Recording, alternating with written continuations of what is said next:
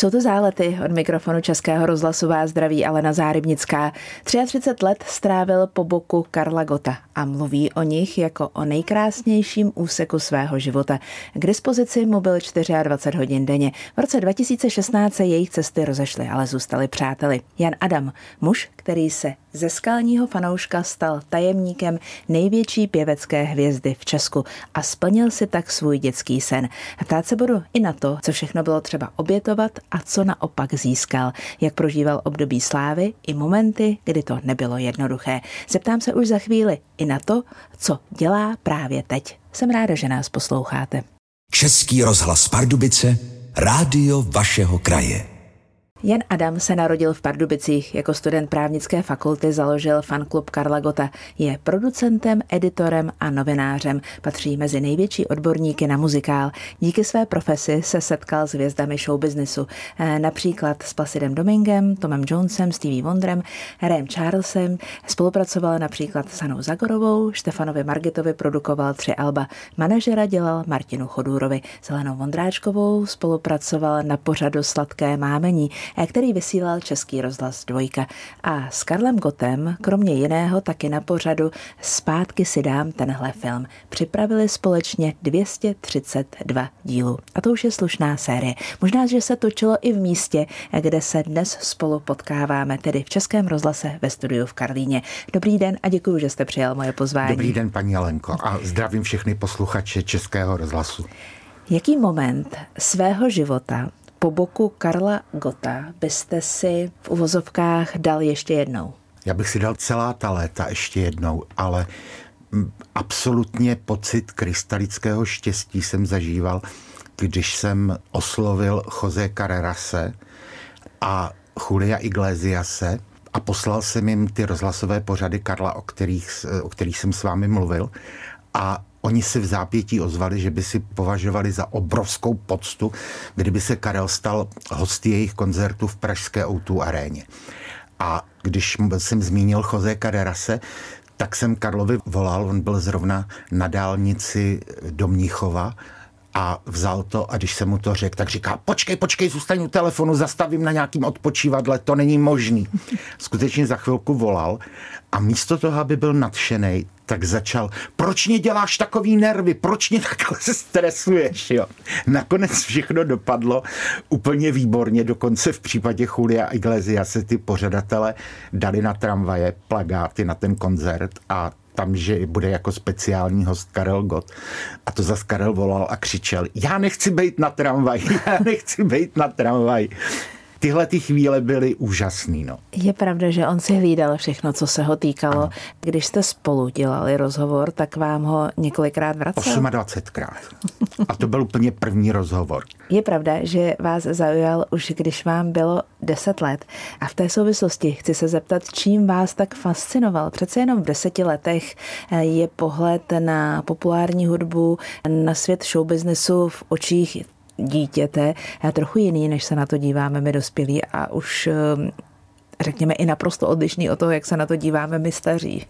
Moji rodiče mě vedli i k poslechu vážné hudby, takže v sedmi letech mě vzali poprvé do Národního divadla na operu Jakubín. A to říkám proto, že mě na Karlovi fascinovala šíře jeho repertoáru.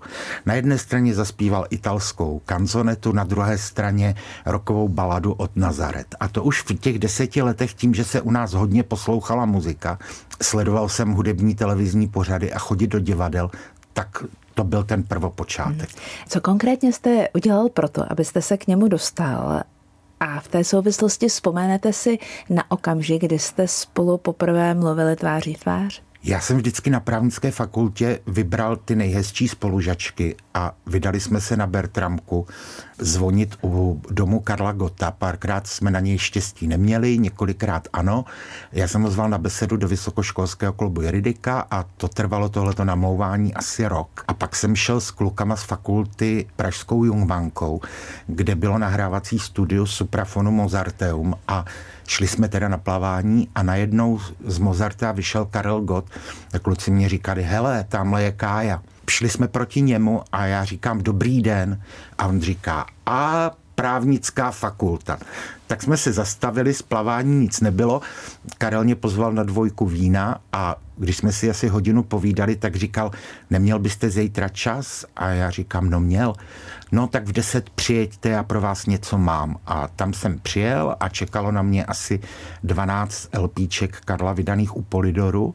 A on říkal, ty máš docela zajímavý přehled o, o mé tvorbě, tak si to poslechni a pak dej vědět, jak se ti to líbí. No, pak už to šlo nějak takhle. Kdyby vás dneska někdo požádal, abyste mu byl eh, takhle 24 hodin k dispozici, jako jste byl Karlu Gotovi, šel byste do toho? Asi ne. V záletech eh, dnes mluvím s Janem Adamem, přes 30 let stál po boku Karla Gota. Všechno to začalo 28. listopadu v roce 1983, když Karel Gott přišel do Vysokoškolského klubu právnické fakulty a zatím pokládám velký otazník. Co se dělo bezprostředně potom?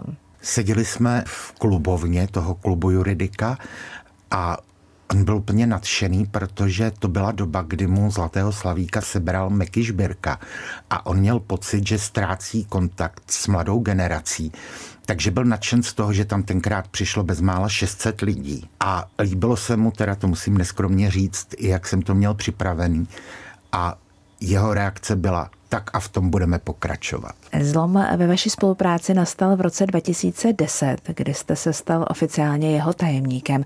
Co bylo příčinou té změny? Jak se to seběhlo, že od roku 2010 do roku 2016 to bylo jinak? Karel tenkrát ukončil spolupráci s doktorem Františkem Janečkem a požádal paní inženýrku Hercerů, aby se stala jeho manažerkou a protože s ní jsem já dlouhá léta se přátelil a tak dále, tak mě teda oslovil, abych se stal i jeho osobním tajemníkem, což mě nesmírně těší, protože Karlovým osobním tajemníkem přede mnou byl jenom pan doktor Miroslav Zitko. Hmm. Bez váhání jste tu nabídku přijal, nebo tam byl nějaký stín pochybnosti? A... Okamžitě jsem ji přijal. Vidíte, jedním dechem i teď odpovídáte, rozumím. Co všechno jste musel obětovat, aby to fungovalo? Asi všechno.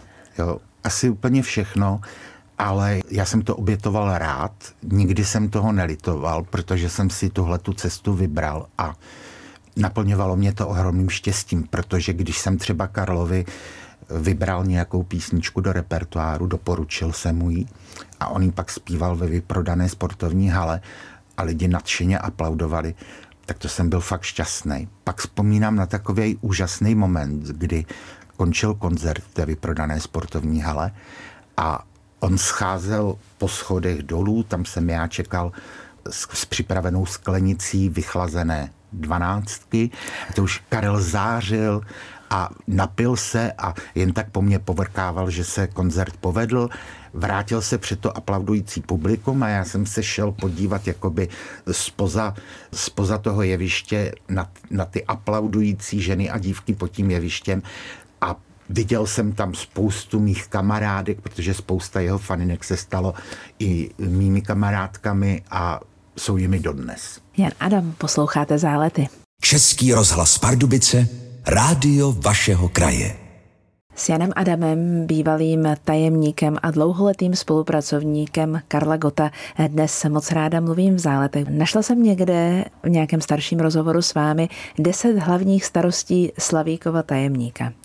Ta první, být 24 hodin denně k dispozici. Jak dlouho se to dá vydržet v kuse? Dá, protože jsem to chtěl dělat. Svůj denní režim jsem tomu uspůsobil, takže já jsem vstával v době spolupráce s Karlem každý den ve 4 hodiny ráno. A pracoval jsem absolutně na 100% do 9 hodin, kdy začaly zvonit telefony. Po obědě jsem si vždycky chodil na tři čtvrtě hodiny až na hodinu lehnout. A když jsme byli někde na zájezdě, tak Karel třeba říkal, pojď, půjdem se projít. A jsem říkal, ne, nepřipadá fů. A on říká, a odpolední spáneček. Jo, takže dá se to vydržet. A musím říct, že Karel zase, že by mě volal v 11 hodin o půlnoci, tak to už by se muselo opravdu stát něco strašného.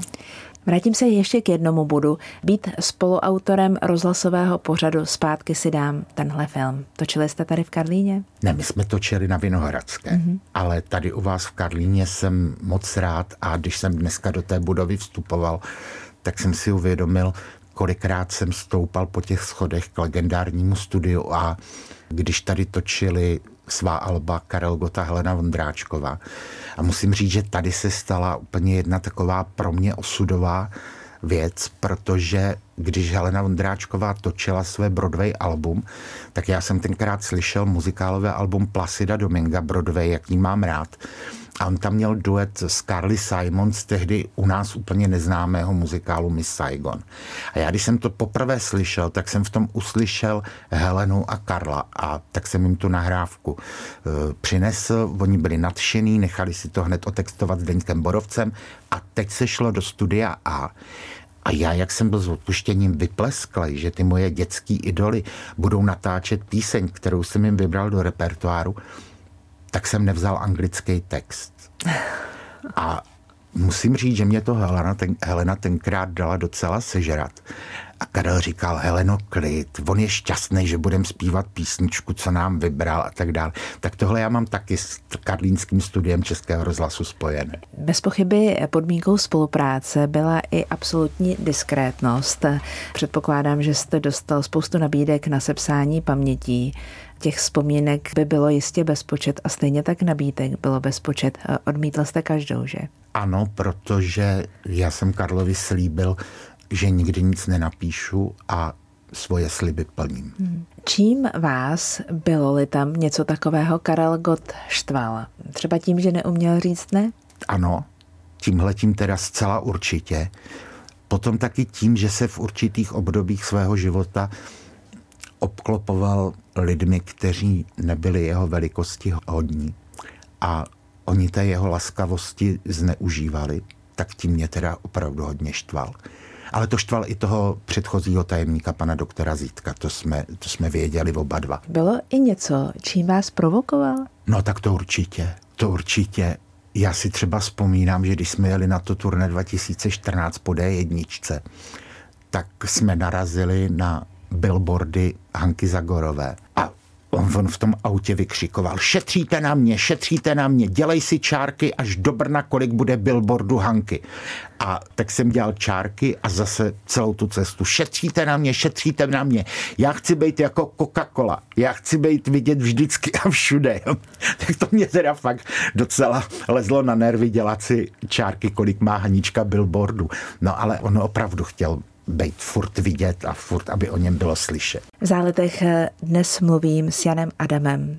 Jak Karel Gott eh, prožíval eh, slávu? Dokázal si užít ty okamžiky, které jsou s tím spojené? No maximálně. Opravdu maximálně on pro ty fanoušky žil, bylo to pro něj úplně to nejvíc. A já teda můžu říct, že jsem tohleto zažil nejen u nás na Slovensku, ale i třeba v New Yorkské Carnegie Hall, v moskevském Kremlu, v moskevské Čajkovského síni, v Hamburku, v Mnichově, v Berlíně, bych mohl prostě ještě dlouho pokračovat. Naopak, eh, složité okamžiky. Musím říct, že někdy jednal trošku hystericky, ale to k tenorům patří, být tenorem je diagnoza. Ale většinou, většinou se teda pak sklidnil a řešil to s chladnou hlavou, ale ty začátky byly někdy zajímavé a krušné. Měl jste nějaký recept na to, aby když ta situace, nějaké vypjaté emoce nastane, jste mu co nejvíce pomohl, co nejvíce mu byl po ruce, co nejlépe v tu chvíli i na té emoční úrovni vykonal svoji práci tajemníka? Mě jednou poradil Láďa Štajdl takovou fintu, protože on zažil mnohokrát doma i v zahraničí, když mu Karel ráno v půl osmé volal, že je totálně bez hlasu a že se musí koncert večer zrušit. Tak Láďa mě říkal, nenech se tím vyvést z míry a suše řekni, no tak já jdu zavolat tomu pořadateli a zruším to. V ten moment Karel jakoby zastříhal ušima a koncert nakonec odvedl. Jako. Tak to byla jedna, jedna taková věc. Ale když se stalo, že mi ráno taky volal, že je totálně bez hlasu, ale věděl, že, že prostě by nešlo ten koncert odložit, tak já jsem si vzal do auta CDčka Luciana Pavarottiho, Placida Dominga, Jose Carrerase třeba. A říkám, hele Kájo, teď on byl smutný, že, že neví, jak ten koncert večer dopadne a to. A já říkám, hele, tadyhle mám Placida Dominga, toho jsme ještě neslyšeli.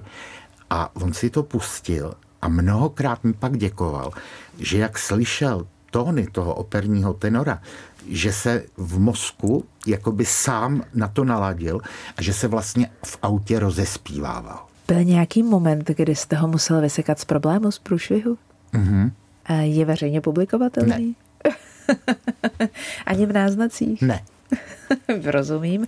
Pojďme tedy obrátit list, říct si, a to mě zajímá velmi, kdybyste měl sám za sebe udělat jednu věc možná trošku maličko jinak, než jste ji společně s Karlem Gotem v tom období, kdy jste mu dělal tajemníka, udělali. Jaká by to byla a co byste změnili? Neřekl bych už nikdy některé věty, které jsem mu řekl. Byl jste na něj přísný? Mm, jo. Bez pochyby nás i Karel Gott teď poslouchá a ví, o čem je v dnešních záletech řeč. Český rozhlas Pardubice, rádio vašeho kraje.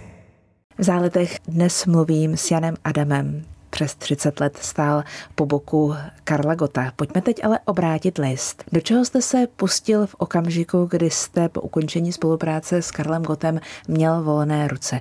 Když něco končí, něco nového začíná. Co bylo pro vás tím novým začátkem? Já to musím vzít trošku ze široké. Já v té době, kdy jsem s Karlem spolupracoval, tak mě moji rodiče říkali, hele Honzo, měl by si jednou za čas udělat, nebo jednou za rok, nějaký projekt s jiným zpěvákem, než je Karel. A měli absolutní pravdu, protože já jsem se ho teda samozřejmě vždycky zeptal, jestli proti tomu nebude nic mít, takže já jsem udělal Alba s Evou Urbanovou, Štefanem Margitou, Jitkou Zelenkovou, Petrou Janu a tak dále. A když jsme se teda rozešli, tak jsem v téhle nastoupené cestě pokračoval. Stal jsem se manažerem Martina Chodůra a ta rada od těch rodičů byla absolutně úžasná, protože díky té spolupráci s Karlem o mě věděli i jeho kolegové a takže vznikla spousta krásných alb, například Alba se Štefanem Margitou, za které jsme dostali zlaté a platinové desky Suprafonu. Hmm. Měl jste někdy potom lepšího šéfa? No víte co, já jsem sám sobě šéfem. Vždycky Rozumím. byl. Jo? Berme to v uvozovkách. No. Toho, pro koho pracujete eh, v tom nejlepším slova smyslu? Určitě Helenu Vondráčkovou. Mm-hmm. V čem oni dva si byli podobní a v čem naopak eh, odlišní? Helena je mnohem pragmatičtější člověk než Karel.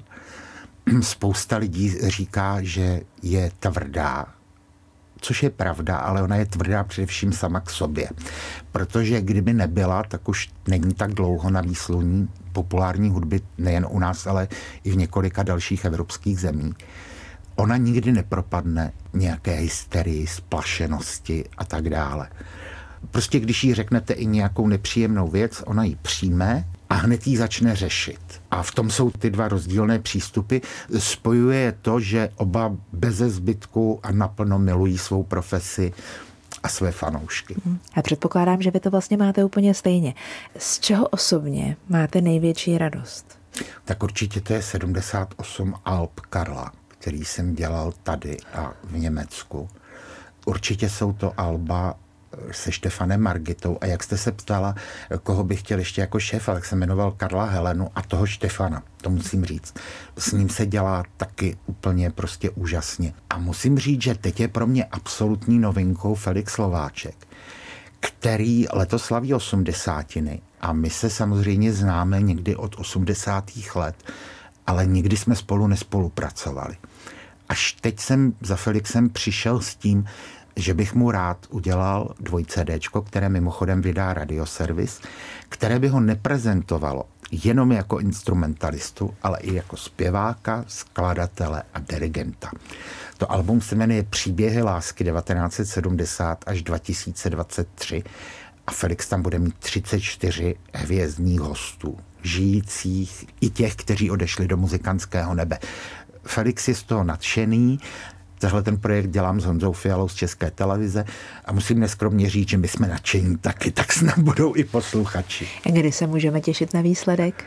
2. května se ta deska bude poprvé prodávat na Felixově Lucerně. V záletech dnes moc ráda mluvím s Janem Adamem. Většinu toho dnešního rozhovoru jsme vedli o Karlu Gotovi, ale i o vašich dalších spolupracovnících, respektive lidech, se kterými jste spolupracoval.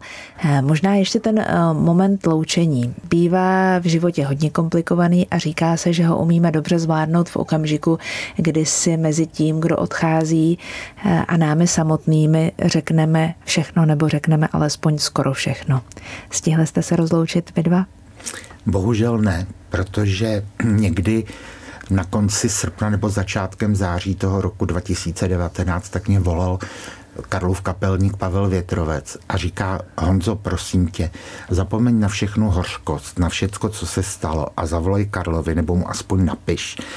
Protože když jsem u něj teď nedávno seděl, tak říkal, víš, co mě hrozně chybí, když jsme tady seděli s Honzou Adamem a poslouchali muziku. Tak já jsem mu napsal sms do pěti minut se mi ozvala Ivana, myslím, že to bylo ve středu nebo ve čtvrtek, a že mě v neděli zvou na čaj. Jenže já jsem ty následující dny dostal tak těžkou virózu, že jsem k němu prostě v žádném případě nemohl jít. Nasadili mi antibiotika, která nezabrala, takže mě nasadili druhá antibiotika a když jsem seděl v čekárně u mojí paní doktorky, tak mě volala Ivana a říká, že by se mnou Karel rád mluvil, dala mě ho k telefonu a on říká, kde seš, kde seš, přijeď, přijeď. A já říkám, Kaju, já ty věci, co ti chci přivíst, tak je můžu dovíst na Bertramku, nebo pro ně pošleš řidiče. Ne, ne, ne, já chci, abys přijel. Já jsem říkal, Kájo, teď jsem mu to vysvětloval s těma antibiotikama, což Ivana věděla. A říkám, drž se, drž se. A on mi slabým hlasem řekl, a na to nikdy nezapomenu, já se držím, Honzo, jen tak tak sluchátka. A slíbili jsme si, že jak budu mít v pořádku krevní sedimentaci, takže přijdu a ve čtvrtek předtím, než umřel, jsem jí teda měl čistou, tak jsem napsal, že jsem prostě k dispozici přijít. A Ivana mi napsala, Honzo je mi líto, ale teď má antibiotika Karel. A v úterý zemřel. Takže my jsme se rozloučit nestačili.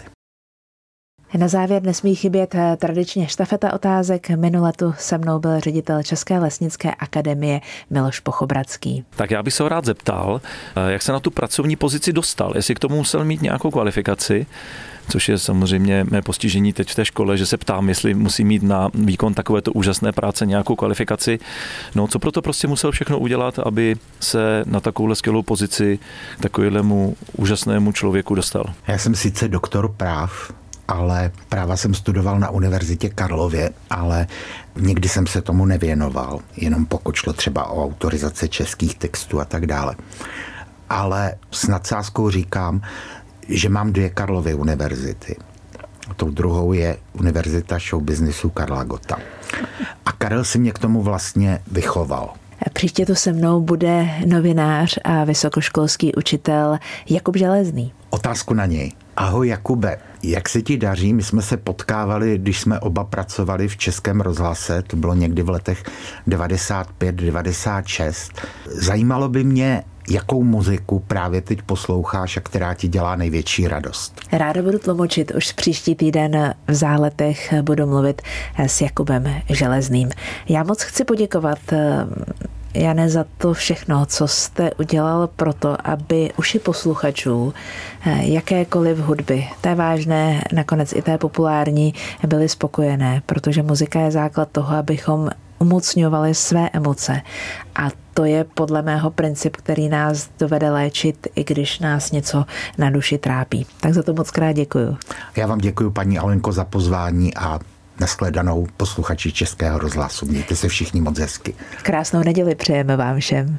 Tento pořad si můžete znovu poslechnout v našem audioarchivu na webu pardubice.rozhlas.cz.